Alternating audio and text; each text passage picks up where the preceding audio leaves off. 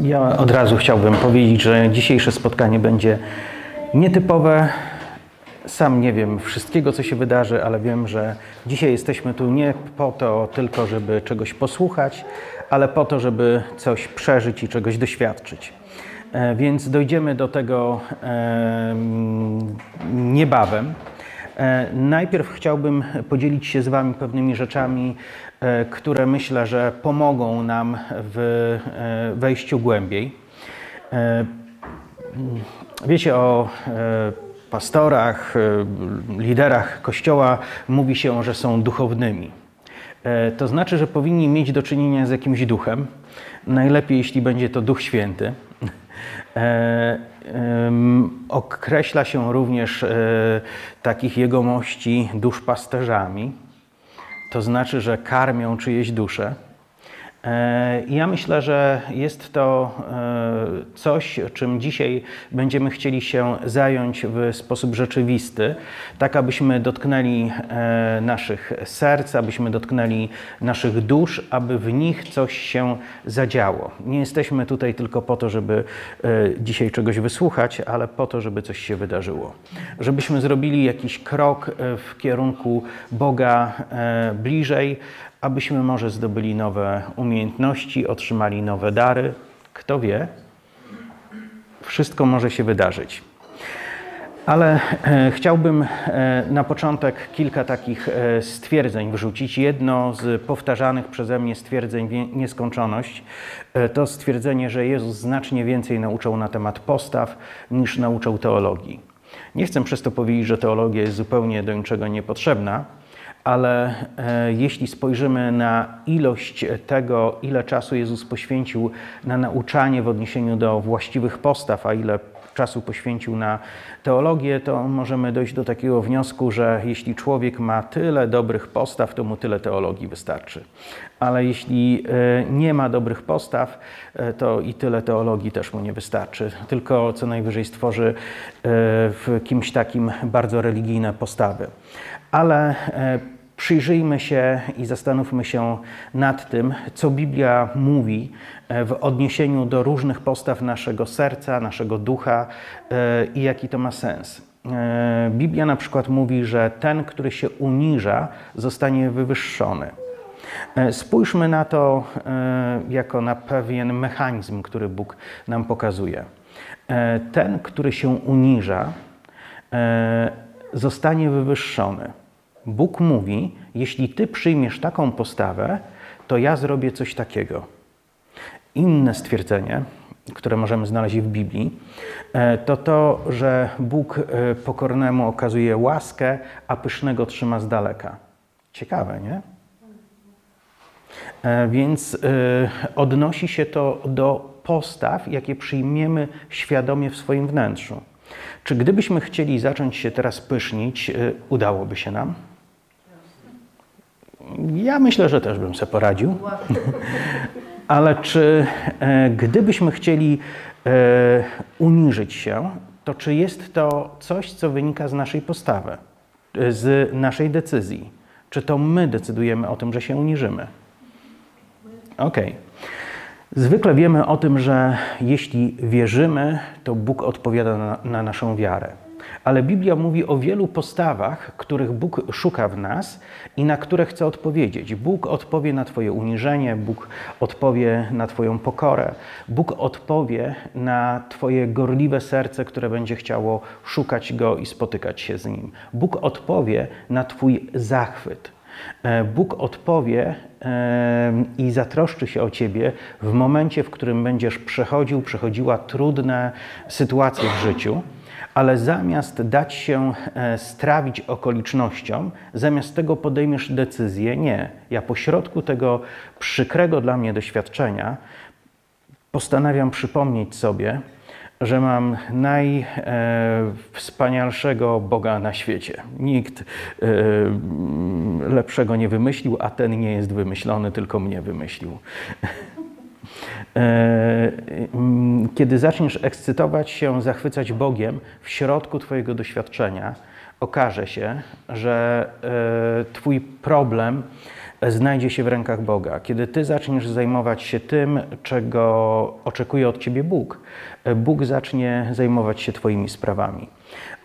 To nie jest mój pomysł, ale to jest Jego obietnica. Napisane jest, że e, jeśli szukamy najpierw Królestwa Bożego i sprawiedliwości Jego, to wszystko, czego potrzebujemy, zostanie nam przydane. Więc e, patrząc na kwestię naszej duszy, patrząc na kwestię naszego serca, powinniśmy to rozumieć, że kiedy przyjmujemy i kształtujemy w sobie odpowiednie postawy, e, to jest za nie pewna nagroda, jest z ich powodu pewna reakcja ze strony Boga. Bóg e, mm, w swoim słowie e, przekazał nam bardzo wiele instrukcji dotyczących tego, w jaki sposób On wyobraża sobie to, co powinniśmy robić e, ze swoim wnętrzem. W Księdze Jozłego jest mowa o tym, że jeżeli postanowimy, by Księga Bożego Prawa była przez cały czas na naszych ustach, przez cały czas w naszych myślach, to Bóg pobłogosławi naszej drodze i sprawi, że będzie nam się wiodło.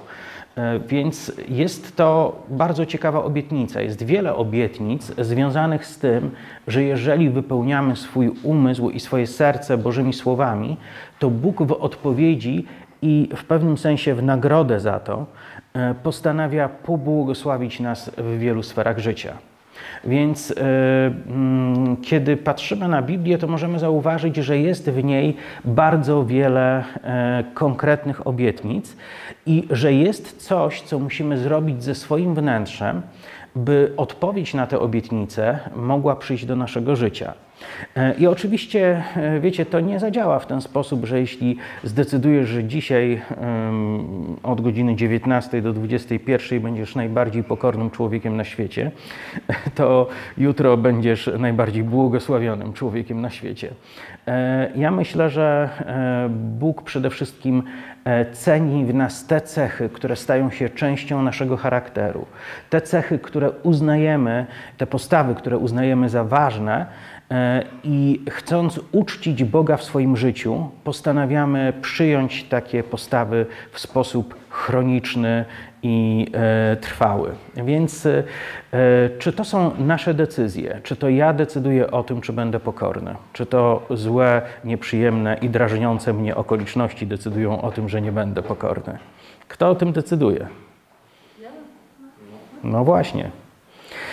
E, kto decyduje e, o tym, że będzie gorliwie napełniał się Bożym Słowem? Kto decyduje o tym, że będzie się modlił? Kto decyduje o postawie uniżenia? Kto decyduje o tym, że będzie zachwycał się i ekscytował Bogiem? To my o tym decydujemy.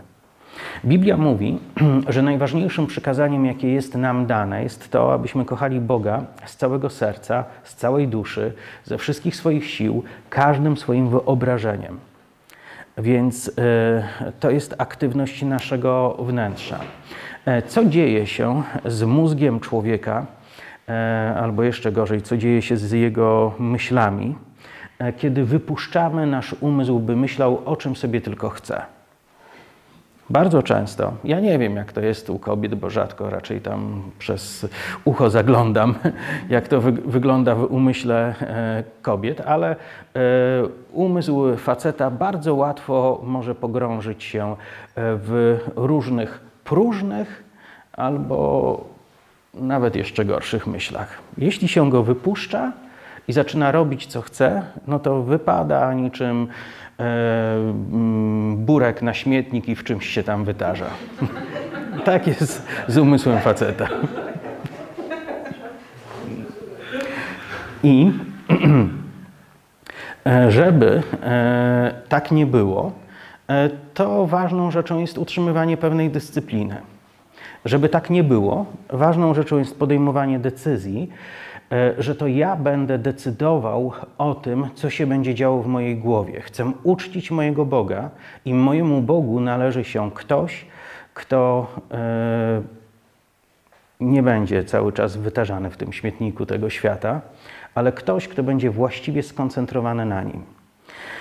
E, Paweł pisze do Tymoteusza: Jeśli siebie zachowasz od tych rzeczy pospolitych, czyli od tych, które ludzie normalnie, naturalnie i bez wysiłku robią.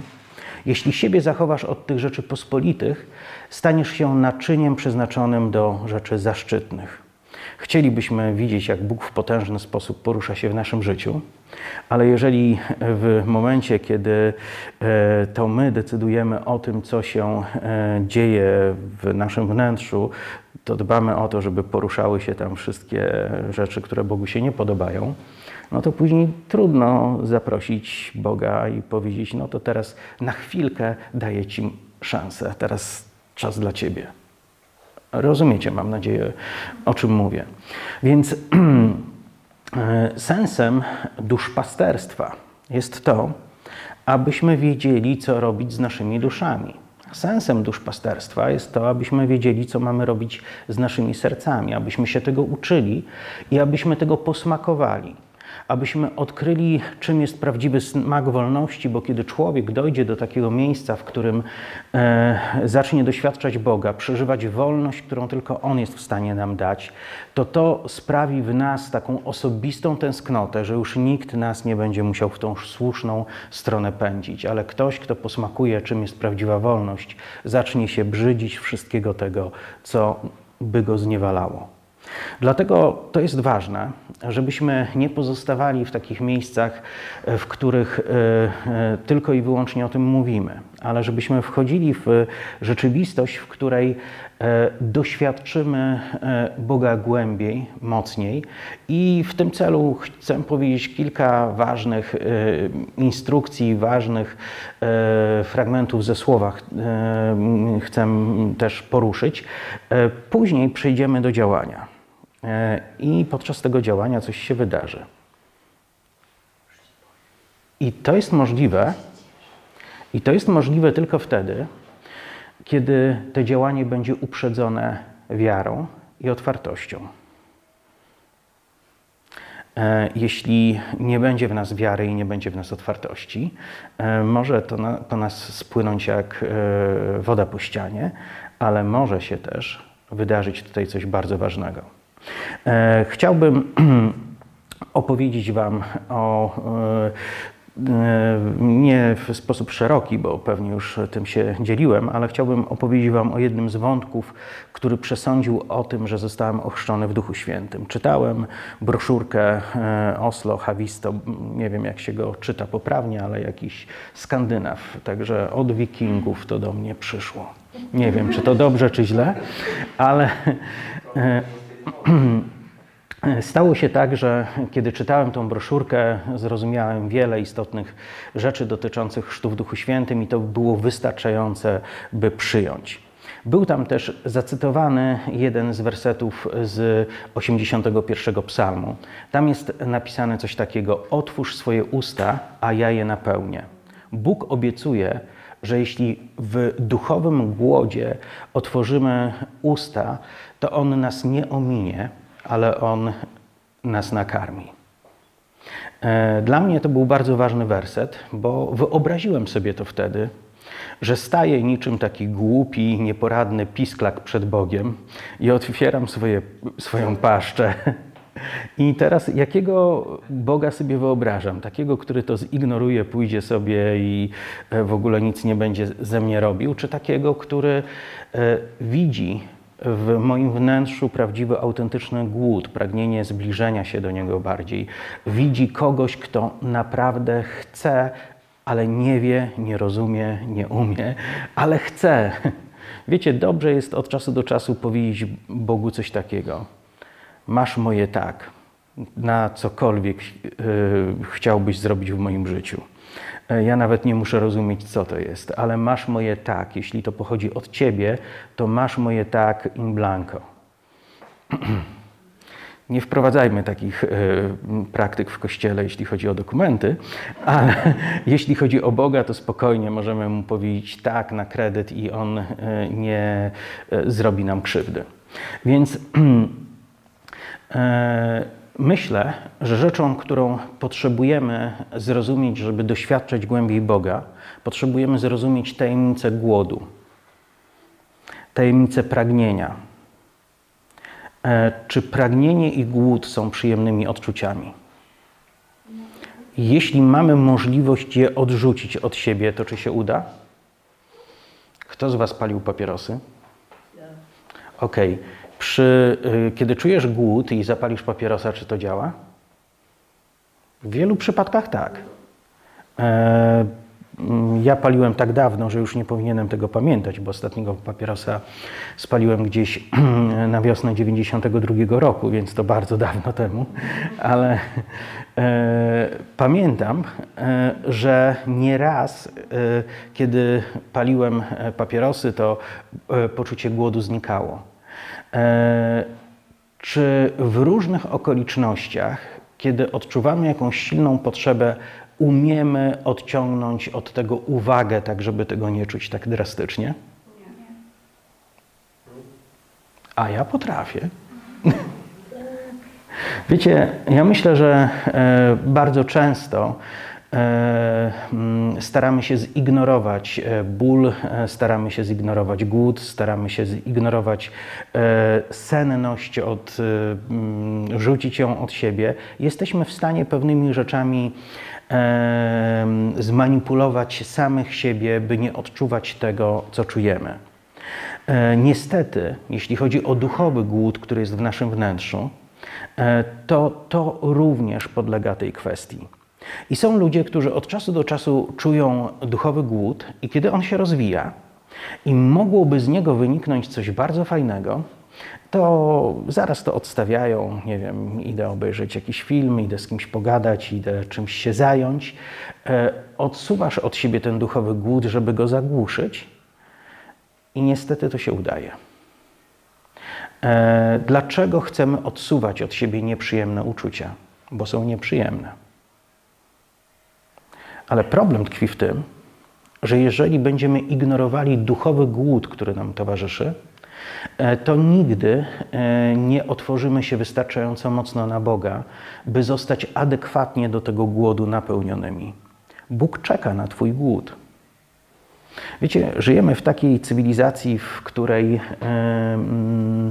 e, jakby świadectwem dobrobytu człowieka jest to, że e, w każdym momencie możesz sięgnąć e, po zaspokojenie swoich potrzeb. Jesteś głodny, idziesz do lodówki i sprawa jest załatwiona.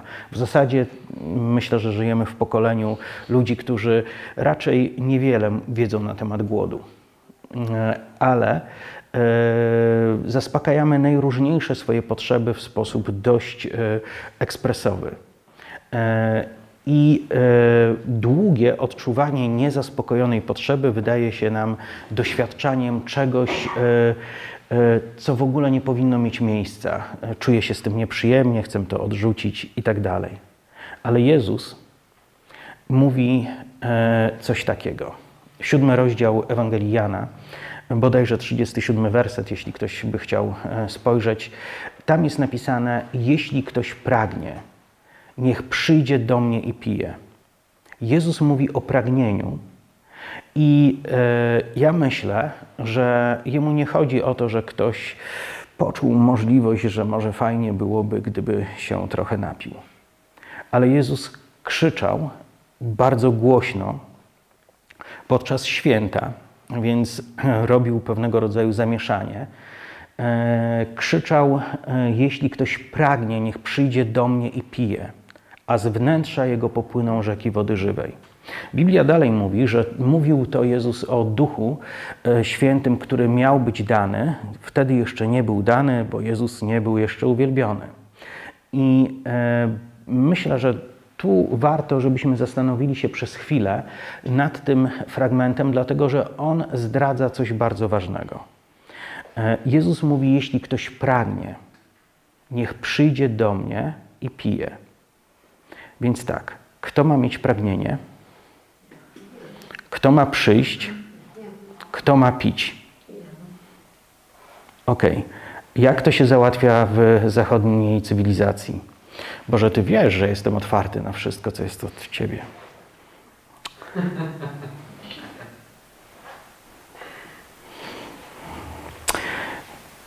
Modliłem się wczoraj, wiecie, nie wiem o co Bogu chodzi. Może On mnie nie lubi, ale nie napełnił mnie duchem.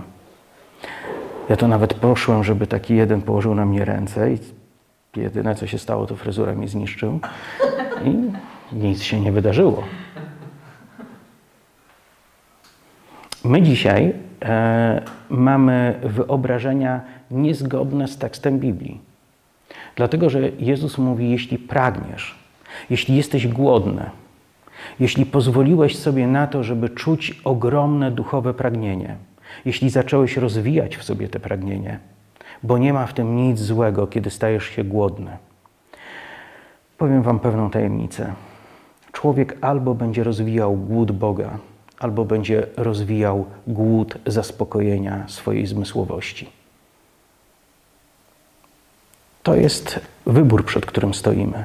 Jeśli nie zaczniesz rozwijać głodu e, głębszego doświadczenia Boga, to wcześniej czy później e, w miejsce Boga zaczniesz ekscytować się tym, co oferuje ci świat, zaczniesz ekscytować się tym, co będzie budowało Twoją pychę, tym, co będzie zaspokajało Twoje ciało, tym, e, co mm, nie doprowadzi Ciebie do wieczności. Więc albo człowiek pozwala sobie na to, żeby rozwinąć głód Boga, a jeśli e, zacznie zagłuszać ten głód, to wcześniej czy później w miejsce tego głodu przyjdzie głód czegoś zupełnie innego, czegoś, co poprowadzi cię w drugą stronę. Duchowy głód zawsze prowadzi cię w stronę Boga. Jezus mówi: Jeśli ktoś pragnie, jeśli ktoś posiada ten głód, jeśli w kimś jest te wielkie ssanie, jeśli masz te poczucie, że czegoś ci brakuje, to przyjdź. Ty przyjdź. Jezus nie mówi, jeśli pragniesz, to ja przyjdę. Ale Jezus mówi, jeśli naprawdę pragniesz, to przyjdź. Dobrym przykładem tego jest owa niewiasta z krwotokiem. Ona usłyszała o Jezusie i zaczęła sobie mówić: Jeśli tylko go dotknę, na pewno zostanę uzdrowiona. Więc w tłumie przedarła się do Jezusa, dotknęła jego szaty i naprawdę została uzdrowiona. To była głodna osoba, która przyszła do Jezusa i wzięła to, po co przyszła. Jezus odwrócił się i zapytał: Kto mnie dotknął? w tłumie cisnących się na niego ludzi. Wiecie, Jezus wtedy był oblegany niczym Michael Jackson po koncercie. Naprawdę ze wszystkich stron ktoś próbował się e, dotknąć Jezusa, cisnęli się ludzie wokół niego. Ale Jezus rozpoznał tą jedną kobietę, która dotknęła jego szaty, dlatego że on wiedział, że ona coś wzięła. Biblia mówi, że poczuł, że moc od niego przepłynęła. Ta kobieta została uzdrowiona. I ona naprawdę to zrobiła. Ona pragnęła, przyszła i wzięła. Widzimy to, prawda? Więc Jezus mówi: Jeśli ktoś pragnie, niech przyjdzie do mnie i pije. Jeśli mamy wielkie pragnienie, możemy przyjść do Jezusa, możemy przyjść do Niego w wierze, Możemy przyjść do Niego w zaufaniu, możemy przyjść do Niego będąc e, całkowicie przekonanymi o tym, że On chce być odpowiedzią na nasze pragnienia. E, czy picie jest e, aktywnością, która w pełni zależy od nas? Jezus mówi: Przyjdź do mnie i pij, więc ma dla ciebie dzbany niebiańskiego wina. I daje ci prawo do tego, byś z niego pił. Ale możesz stanąć obok e, i możesz zacząć się modlić. Możesz wznieść charyzmatyczną modlitwę i powiedzieć: Ja wyznaję, że jestem przepełniany Duchem Świętym. Ja wyznaję, że, że piję te wino. Ja wyznaję, ja wierzę, Boże, ja się modlę, niech mnie to napełni. Nie. Jezus powiedział: Niech przyjdzie do mnie i pije. Picie to jest aktywność naszej duszy, aktywność naszego serca. E, to jest coś, co my możemy zrobić e, i coś, e, co w zasadzie w wielu różnych sytuacjach życiowych robimy, nie do końca nawet zdając sobie z tego sprawę. Czy ktoś z Was był kiedyś pod wpływem jakiejś muzyki? Wracasz z koncertu metalowego, chcesz położyć głowę na poduszkę. Wszystko w tobie łomocze jeszcze.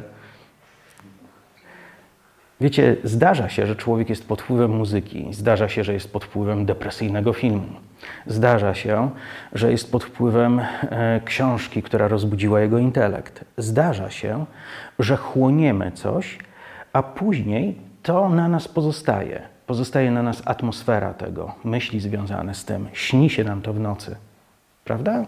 Mają miejsce takie rzeczy. To znaczy, że swoim wnętrzem wchłonęliśmy, e, napiliśmy się czegoś i mamy to teraz w sobie. Jezus do nas mówi: Jeśli ktoś pragnie, niech przyjdzie do mnie i pije. E, kiedy możemy zacząć pić? Myślę, że najprostsze jest to w tych momentach, w których przeżywamy poczucie Bożej obecności. Zdradzę Wam pewną tajemnicę, ale nikomu o tym nie mówcie, bo jak się wyda, to e, Bóg jest wszechobecny. I jest pewna praktyczna rzecz, która z tego wynika. To znaczy, że ty, kiedy raz czujesz, a raz nie czujesz Bożej obecności, masz problem z odbieraniem Bożej obecności, a nie z tym, czy Bóg jest obecny. Gdybym Wam powiedział, w jakich momentach Waszego życia Bóg jest obecny, to tego nagrania byśmy już nie wypuścili, na pewno. Ale Bóg jest obecny wszędzie, gdziekolwiek jesteś. E, my jednak odczuwamy Bożą obecność w różnych szczególnych chwilach. Gdzieś po jakimś niezwykłym uwielbieniu, kiedy siedzimy, czytamy Biblię, po spotkaniu modlitewnym, w którymś momencie włącza się nam poczucie: O, pojawiła się Boża obecność. Nie, Boża obecność się nie pojawiła. E, pojawiła się Twoja uwaga pojawiło się Twoje dostrojenie do Bożej obecności. I to, że odczuwamy Bożą obecność, nie jest wynikiem tego, że wszechobecny Bóg się pojawia, ale jest wynikiem tego, że zrobiliśmy coś, co sprawiło, że zaczęliśmy odczuwać Bożą obecność. Kiedy zaczynasz ją odczuwać, e, to jest to też najlepszy moment do tego, żeby spróbować skorzystać z tejże Bożej obecności. Możesz otworzyć się całym swoim wnętrzem, skoncentrować się na Bożej obecności, chłonąć to cały, e, całym swoim sercem. E, to jest Twoja aktywność jak picie. Możesz to pić, może tego być coraz więcej i więcej i więcej i więcej.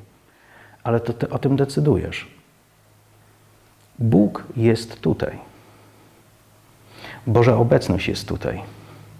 I również Ty jesteś tutaj. E, możemy wchodzić w mm, głębsze doświadczenie Ducha Świętego e, poprzez e, świadome napełnianie siebie. Biblia w wielu różnych miejscach o tym mówi. I szczerze mówiąc, jest to też nieco zdumiewające, że nie jest to tematem powszechnego nauczania. W różnych częściach świata się zdarza. Chińczycy na ten temat nauczali dosyć mocno. Z tego co kojarzę, w Korei Południowej też e, na ten temat jest nauczane, e, ale to nie jest chińsko-koreański wynalazek. E, to jest pewna biblijna prawda. Jezus w ostatnich słowach Księgi Apokalipsy mówi coś takiego: Kto pragnie, niech przyjdzie do mnie i darmo weźmie wodę życia. I brzmi to jak taki mistyczny fragment, nic nie mówiący. E, jeśli ktoś nie poznał e, nauczania na temat e, Bożej obecności, rozumiemy, że kiedy mamy wiarę, możemy przez wiarę wiele dokonać, prawda? Ale Biblia również pokazuje nam, że Boża obecność jest czymś, co możemy przyjmować i co może pogłębiać się w naszym wnętrzu. Więc Jezus mówi: Jeśli ktoś pragnie, niech przyjdzie i darmo weźmie wodę żywota. Do czego jest nam potrzebna woda? Jest niezbędna do życia, ale w tamtym klimacie, w którym wychowywał się Jan Apostoł, on kiedy spisywał te słowa, był na wyspie Patmos, cały czas dosyć gorąco.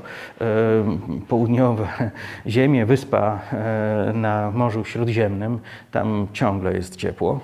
E, przynajmniej w stosunku do tego, co my mamy tutaj e, w Polsce. Ale Jan wychował się w dawnym Izraelu. E, tam naprawdę było porządnie gorąco. I kwestia posiadania wody to naprawdę była, była dosłowna kwestia życia i śmierci. E, jeśli nie było gdzieś dostępu e, do wody, to nie można było tam na dłużej zostać. Trzeba było jak najszybciej znaleźć miejsce, gdzie będzie woda. Oni wiedzieli, co to jest pragnienie, dlatego że często przebywali w upale. I często jedynym sposobem na poradzenie sobie z upałem było napicie się, oblanie się wodą. E, to też robili. I Jezus przyjmuje ten obraz wody, e, głosząc na tych terenach, dlatego że e, stan ciągłego pragnienia związanego z wodą był znany wszystkim ludziom w tamtym regionie. I my powinniśmy również być tymi, którzy zdają sobie sprawę z tego, że potrzebujemy napić się Bożych wód E, I e, bez e, pragnienia tak naprawdę nie będziemy korzystali z tego, co jest dla nas dostępne. Dlaczego jedni ludzie doświadczają bardzo potężnego rozwoju duchowego, a osoby siedzące obok nich mogą w ogóle powiedzieć, że wydaje się, jakby Bóg nie był obecny w tym kościele? Podczas kiedy inny człowiek w tym samym kościele może niesamowicie się rozwijać i bardzo wiele doświadczać. Czy to jest kwestia obecności Boga i Jego woli, czy raczej kwestia tego, co my robimy z tym, co dla nas jest dostępne? W liście do Efezjan, w piątym rozdziale, e, apostoł Paweł pisze takie słowa: Nie upijajcie się winem, ale bądźcie pełni ducha Bożego. Czy to my podejmujemy decyzję o tym, że się upijamy lub nie? Kiedy ostatnio podjęliście taką decyzję? To znaczy, że nie. E, ale jeśli spojrzymy na ten werset, to okazuje się, że w takim samym stopniu to my decydujemy o tym, czy będziemy pełni ducha. Mamy dostęp do Ducha Świętego. E, powinniśmy być ciągle spragnieni, ciągle zgłodniali i ciągle pijący ciągle przepełnieni duchem. E, niektórzy teolodzy mogliby się z tym kłócić i powiedzieć, no, jeśli zostałeś narodzony na nowo, to jesteś napełniony Duchem Świętym, nie możesz dostać nic więcej. E, ci z frakcji bardziej pentakostalnej powiedzieliby, jeśli jesteś narodzony na nowo i zostałeś ochrzczony w Duchu Świętym, to masz dostęp do pełni wszystkiego, co ma Bóg i nie powinieneś niczego pragnąć i niczego szukać. Ale kiedy spojrzymy na dzieje apostolskie, w drugim rozdziale 120 osób jest chrzczonych w Duchu Świętym, ale później w czwartym rozdziale e, modlą się gorliwie jednym głosem i Biblia mówi, że Duch Boży znowu stępuje, znowu ich napełnia odwagą do głoszenia słowa i dzieje się to tak spektakularnie, że ziemia się trzęsie, na której owi modlący ludzie e, stali.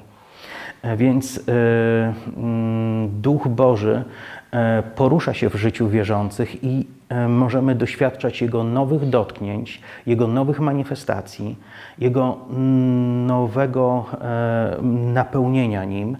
E, I jest to zapisane w Słowie i nie możemy tego odrzucić. W liście do Koryntian w 12 rozdziale jest też napisane: gorliwie pożądajcie darów duchowych, większych darów duchowych.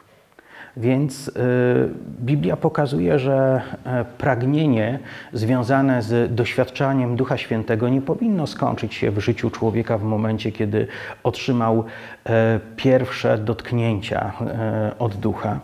Ale to powinno nas zachęcić do tego, by wchodzić jeszcze głębiej w to, co nam w tej rzeczywistości się otworzyło. To jest związane z naszymi decyzjami to jest związane z naszą postawą.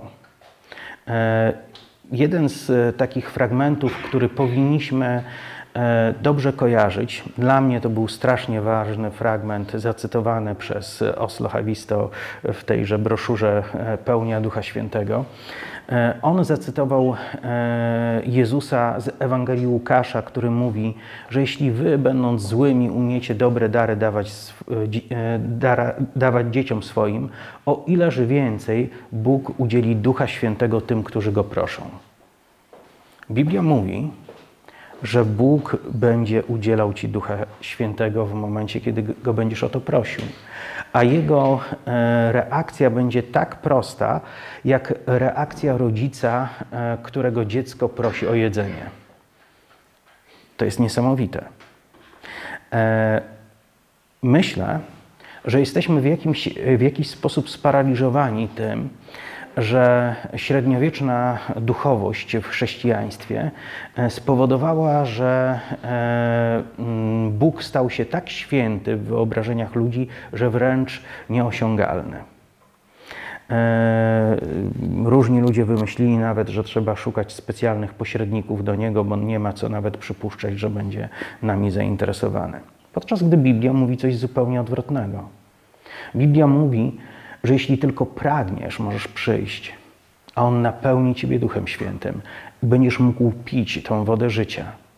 Co więcej, Jezus mówi, że jeśli przyjdziecie, jeśli się napijecie, to z waszego wnętrza popłyną rzeki wody żywej. Niesamowite. Co on przez to rozumiał?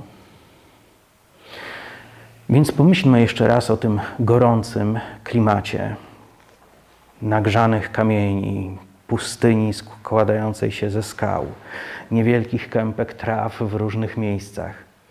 E, pomyślmy o tych e, rozgrzanych e, wędrowcach, ludziach, którzy musieli porządnie się ubrać, nie po to, żeby się ogrzać, ale żeby zasłonić się przed okrutnie palącym słońcem. Zgrzanych, spoconych, spragnionych. Jezus mówi: Jeśli pragniesz, jeśli przyjdziesz do mnie, jeśli będziesz pił, to z Twojego wnętrza popłyną rzeki wody żywej. Wiecie, jest wielu ludzi, którzy e, doświadczyli śmierci, e, którzy żyli jak umarli, którzy żyli będąc pogrążeni w najróżniejszych uzależnieniach od narkotyków, pornografii, e, ludzi, którzy myśleli, że w zarabianiu pieniędzy znajdą zaspokojenie, ludzi, którzy stawiali na różne rzeczy w swoim życiu, ale ich śmierć przez cały czas była taka sama. Ciągle byli tak samo puści. Jest wielu ludzi pogrążonych w depresji, wielu ludzi totalnie nieszczęśliwych, ale kiedy przychodzimy do Boga, jesteśmy napełnieni Jego obecnością okazuje się, że momentalnie mogą zmienić się nasze priorytety, momentalnie mogą zmienić się nasze odczucia, momentalnie wraz z e, tą chwilą, kiedy Duch Święty zaczyna nas przepełniać, okazuje się, że nasza uwaga może skoncentrować się na czymś zupełnie innym. I okazuje się, że ktoś taki, kto sobie nie radził kompletnie w życiu, za chwilę może napoić i przynieść życie dla wielu, wielu innych. Tak się często dzieje. E, I e, nikt z nas nie został skazany na to, by żyć o własnych siłach ku chwale Boga. Ale na szczęście zostało to postanowione przez Boga, że będziemy żyli dzięki Jego mocy, która nieustannie będzie dla nas dostępna. Co by było, gdybym dał Ci najlepszy samochód i nauczył Cię nim jeździć, ale w takim świecie, w którym nie miałbyś pojęcia o tym, że aby samochód mógł jeździć, to musi być tankowany. O tym jednym bym Ci zapomniał powiedzieć, ale zostawiłbym Ci ogromną cysternę paliwa. Miałbyś ją na swoim e, podwórku i miałbyś samochód. W którymś momencie e, to, co miałbyś w baku, skończyłoby się, a Ty byś e, mógł jedynie marzyć o tym, że Twój samochód w końcu znowu zacznie działać. Myślę, że wielu chrześcijan znajduje się w podobnej sytuacji Często wspominamy te momenty, kiedy Duch Święty nas dotknął, kiedy było tak cudownie. I nie wiemy, i nie rozumiemy, że to my decydujemy o powrocie do tych momentów. Nie rozumiemy, że to my możemy na zaproszenie Jezusa przyjść i napić się za darmo tej wody życia. Musimy to zrobić sobą. Czy jest tu ktoś głodny? Czy jest tu ktoś spragniony? Jeśli jesteś osobą spragnioną, to chcę Ci powiedzieć, co się wydarzy. Nie dlatego, że jestem taki mądry i wszystko przewiduję i prorocze obdarowanie tutaj działa, ale dlatego, że wiem, że Boże Słowo jest prawdą. Jeśli przyjdziesz, by pić, napijesz się. Jeśli przyjdziesz, by pić, Bóg też użyje Ciebie, by pobłogosławić innych. Z, te, z zaspokojenia Twojego duchowego głodu zrodzi się również jakieś błogosławieństwo dla innych. Tak to działa. O tym mówi Słowo. I chciałbym, żebyśmy e, dzisiaj e, zrobili coś e, warsztatowo. Ja takich spotkań trochę już poprowadziłem i wiem, co się wydarzy. Wy możecie nie wiedzieć, ale tym lepiej dla Was. Będziecie mieli niespodziankę. Ale jeżeli naprawdę chcemy dzisiaj doświadczyć Ducha Świętego, zostać przez Niego napełnieni, e, to powiem Wam, że On bardzo chętnie przyjdzie. On przyjdzie, dotknie Ciebie, napełni w nowy sposób, e, uwolni Ciebie, przemieni, zrobi z Ciebie błogosławieństwo dla innych. Wierzycie, że to dzisiaj się stanie? Dobrze, to powiem Wam coś jeszcze. Apostoł Paweł Mówi: Pragnąłbym do Was przybyć, żeby udzielić Wam nieco z duchowego daru łaski. Ok, więc apostoł Paweł e, miał takie przekonanie, że jego obecność sprawi, że coś się w tych ludziach wydarzy. Dlatego, że Bóg to tak zaplanował, że jego duch również będzie poruszał się w taki sposób, że będzie przepływał z jednych ludzi na drugich.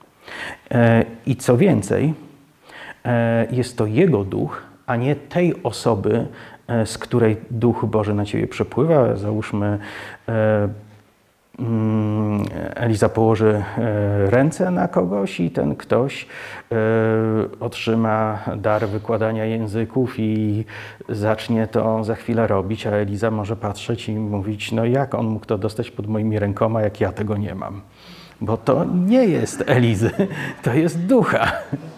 I e, duch Boży, e, on postanowił poruszać się w taki sposób, że kiedy Kościół e, z powodu głodu Boga zaczyna patrzeć na siebie nawzajem w mm, sposób pełen otwartości, pełen życzliwości, I kiedy chcemy być dla siebie błogosławieństwem, możemy komuś dać rzeczy, e, których e, może wydawać się, że sami nie mamy. Coś takiego się dzieje. Będziemy za chwilę nawzajem o siebie się modlić. Ale mam pewną instrukcję. Ci z Was, którzy będą w pierwszej turze chcieli zamanifestować swój głód i zacząć pić, nie będą się modlić.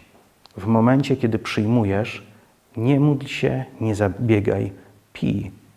Otwórz się przed Bogiem, będąc świadom tego, że On w całej swojej życzliwości jest tutaj obecny. E, chce przepełnić Ciebie, bo On ma z tego większą frajdę nawet niż Ty. I Jemu się to nawet bardziej podoba niż Tobie. Więc jeśli otworzysz się i zaczniesz chłonąć całym sobą, jeśli zadbasz o to, by Twój duchowy głód zassał Bożą obecność, która tutaj jest, to zobaczysz, że nie jest to wkręcanie sobie śruby. Zobaczysz, że tak to naprawdę działa. My, jako wierzący ludzie, powinniśmy mieć tą umiejętność codziennego picia. Dawno temu e, zrozumiałem, jak to działa I nie powiem, że e, e, w takim codziennym swoim duchowym życiu z tego korzystałem. W którymś momencie to wszystko się przyblokowało, tak jak stare studnie, które z biegiem czasu piach pustyni zasypał ale w którymś momencie, jeśli naprawdę doświadczyłeś e, jakichś duchowych przełomów, to wcześniej czy później zatęskniesz za tym. I w ostatnim okresie e, zacząłem na ten temat mówić i jestem zdumiony tym, co widzę, w jaki sposób ludzie przyjmują e, Bożą obecność i w jaki sposób ona ich przemienia, kiedy zaczynamy świadomie wyrażać swój głód, kiedy zaczynamy pić.